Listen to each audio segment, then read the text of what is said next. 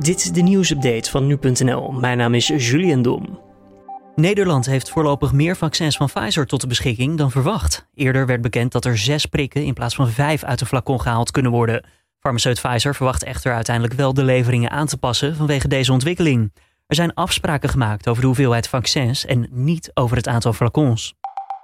We mogen sneeuw verwachten deze week. Vanaf vrijdag trekt er namelijk een koudere luchtstroom over Nederland, waarna zaterdag een sneeuwbui over het land trekt. Als het meezit krijgen we een laagje van 1 tot 3 centimeter pak een beet, al dus weer Plaza. In het zuiden en oosten van Nederland is de laag iets dikker en blijft deze ook ietsjes langer liggen. Frankrijk komt met strengere coronaregels. Inwoners moeten mogelijk tussen 6 uur s avonds en 6 uur s ochtends binnen blijven. Franse media schrijven dat de maatregel vanavond officieel wordt aangekondigd. Enkele departementen in Frankrijk kennen de regel al, maar na vanavond geldt deze waarschijnlijk voor heel het land. Het OM heeft donderdag 20 jaar cel geëist tegen de nog altijd voortvluchtige Gerol P. Dat is de vermeende huurmoordenaar van Ridouan T. die volgens justitie schuldig is aan een dubbele moordpoging in december 2016.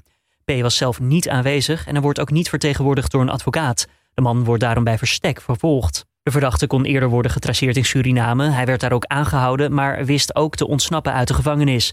Sindsdien is hij voortvluchtig. Er is een beloning van 30.000 euro uitgeloofd voor de gouden tip die tot zijn aanhouding leidt.